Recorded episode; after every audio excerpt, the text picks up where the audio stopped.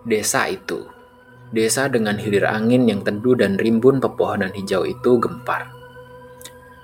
Kala itu matahari sedang terik-teriknya. Para warga berkerumun di depan sebuah rumah. Mereka layaknya lalat mengerubungi makanan. Tapi adakah makanan menumpuk di sana sehingga mengundang perhatian?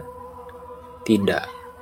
Cuma ada peristiwa yang membuat orang mendengus sedih dengan sesekali menitikkan air mata.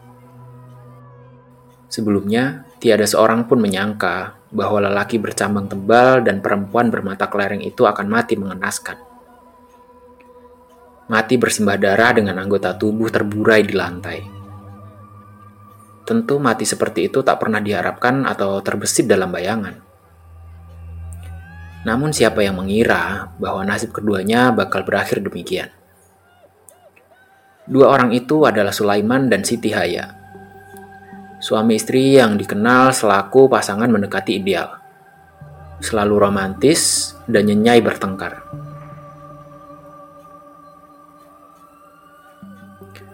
Entah bermimpi apa mereka berdua semalam, sehingga selain meregang nyawa, harta juga ludes. Lemari yang digunakan menyembunyikan rupiah hasil keringat Sulaiman dan sejumlah perhiasan Siti Haya porak-poranda. Sungguh, Terbuat dari apa hati perampok bengis itu? Sehingga usai melenyapkan keduanya, ia pun tega menggondol harta yang dimiliki. Barangkali ia tengah dirundung utang, atau pacarnya sedang hamil tua, dan minta biaya pengguguran janin.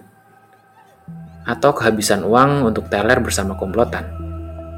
Adapun ia tak ingin nyemplung di penjara, hanya gara-gara laporan korban ke pihak berwajib. Nurali tergopoh-gopoh mengetuk pintu rumah Ustadz Sirajudin.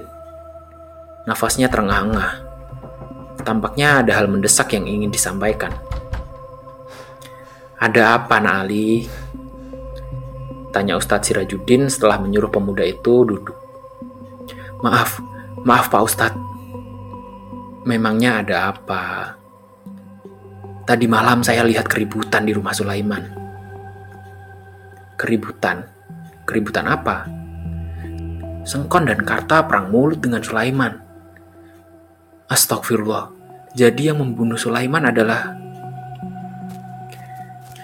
Berbekal percakapan singkat tersebut, sore itu Nur Ali dan Ustadz Sirajudin bergegas ke kediaman Pak Lurah. Begitulah yang berjalan beberapa dasawarsa terakhir di desa yang sejuk dan tentram itu.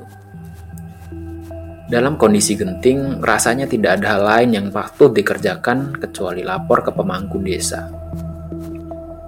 Lusa, ratusan warga berkumpul. Atas pengumuman beberapa ketua RT selaku penyambung lidah Pak Lurah, mereka berbondong-bondong riuh ke balai desa. Sesungguhnya, tanpa diperintah pun, mereka hendak menuntut keadilan atas matinya sesetel suami istri yang selama ini gemar membagi gratiskan buah nangka itu. Mereka benar-benar tidak terima jika kedua orang itu mati begitu saja. Aih-aih, mati demikian pastilah mengantar arwah keduanya penasaran. Dan para warga jelas tak mau saban malam memergoki ada dua arwah gentayangan berkeliling di desa mereka.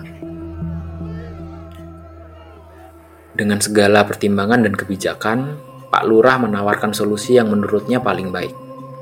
Tentunya, sekali lagi, tentunya, Usai lelaki berumur setengah abad itu berbahasa basi agak lama,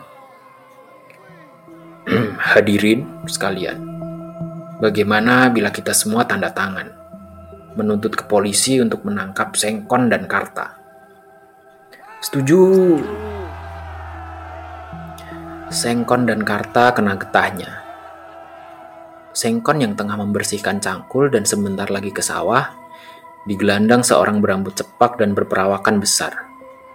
Begitu juga dengan Karta, yang saat itu asik bercengkrama dengan keluarga.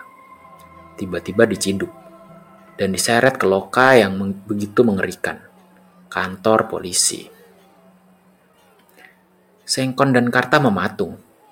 Sesekali jemari Sengkon yang gemetaran mengusap bulir peluh yang merembes dari kening. Sedang Karta hanya komat kamit sembari merapal doa. Semoga Tuhan menyelamatkan saya. Barangkali itulah permohonannya di pagi setengah siang itu. Raut muka keduanya gugup bercampur kebingungan. Masih belum mafhum perihal apa yang sedang terjadi. Dengan ramah-ramah dari seorang berdada bidang, Sengkon dan Karta mulai paham, atau pura-pura paham.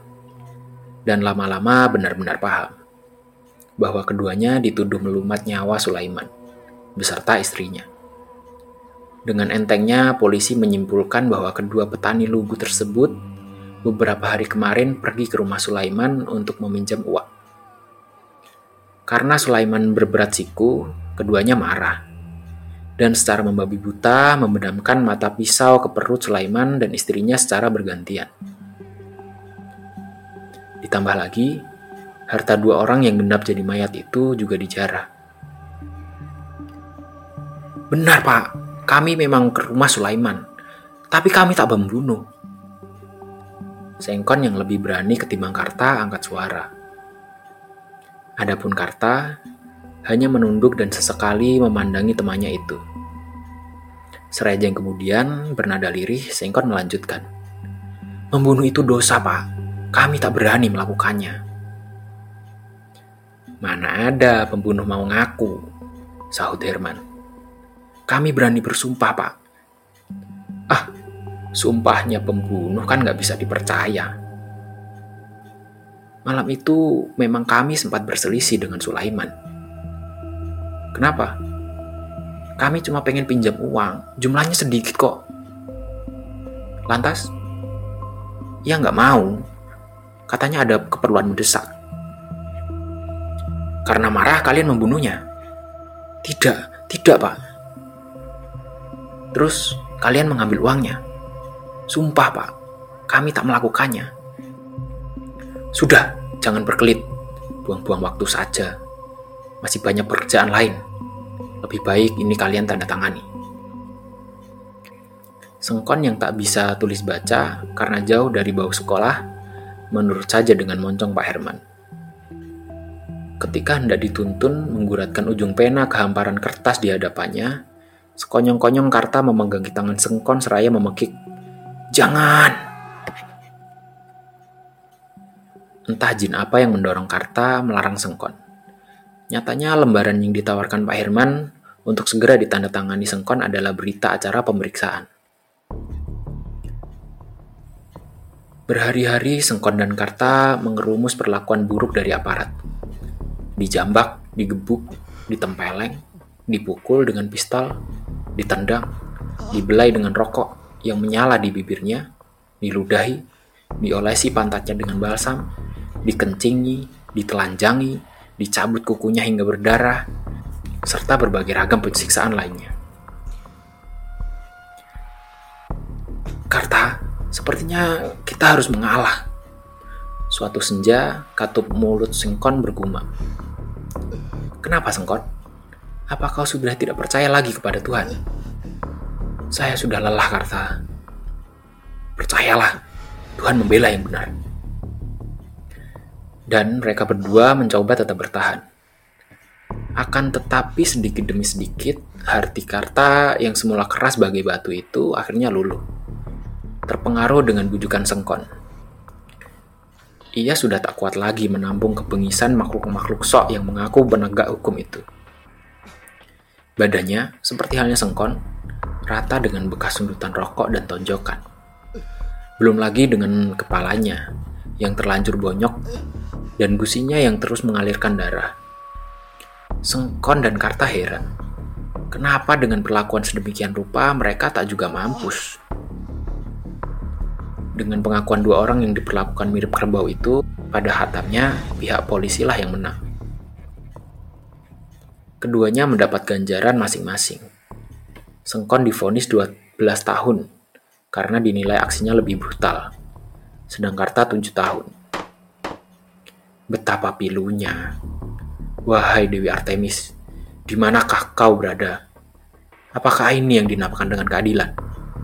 Tanpa sebiji kesalahan, dua petani tersebut terpaksa mempertanggungjawabkan kematian Sulaiman dan istrinya. Ya, mau tak mau, mereka berdua bakal menelan hari-harinya di penjara. Karta, kita sudah lama menetap di Bui. Kapan kita dibebaskan? Entahlah Sengkon, saya juga tak tahu. Adakah jatah pengurangan hukuman buat kita? Saya mulai gak betah hidup. Penyakit TBC ini benar-benar menyiksa. Dengan geram, Karta memukul dinding penjara, hingga membuat Gunel terbangun. Jejaka yang bermukim di Bui lebih dulu karena kasus pencurian itu dengan santainya berujar. Maafkan saya, Paman. Sengkon terperanjat. Dan Paman. Ah, sandiwara macam apa ini? Sepertinya baru kali itu kupingnya mendengar mantan preman pasar itu memanggilnya demikian. Meskipun pemuda bertato kala jengking itu adalah keponakannya, selama ini ia tak pernah memanggil paman. Apalagi, apalagi dalam dunia penjara, rasanya tak mungkin. Meski berusia lebih muda, senior meminta maaf kepada juniornya. Ada apa gerangan? Sebenarnya sayalah pembunuh Sulaiman dan istrinya. Hah? Apa? Sengkon tak percaya dengan apa yang diucapkan Gendul. Ya, sayalah yang malam itu menghabisi nyawa kedua orang itu. Menada pengakuan Gendul, tangis Sengkon membuncah. Di selembar siang, debu-debu membuntingi jalan. Udara tampak capai mengurus pekerjaannya, dan orang-orang berkerumun membentuk lingkaran. Di tengahnya seorang laki-laki dengan wajah kusut tergelepar di tanah. Satu jam lalu, kala menyeberang, sebuah truk menghantamnya dan melemparnya hingga beberapa meter. Hei, itu kan Karta. Mengarahkan telunjuknya, seseorang berteriak lantang. Karta siapa? Orang yang baru beberapa bulan ini dibebaskan dari bui. Disergap kasihan, orang-orang dengan sigap membagulnya ke rumah sakit. Sial. Di tengah perjalanan, ia menghembuskan nafas pungkasan. Di mana Sengkon? Ternyata ia sibuk memelihara TBC-nya yang kian parah.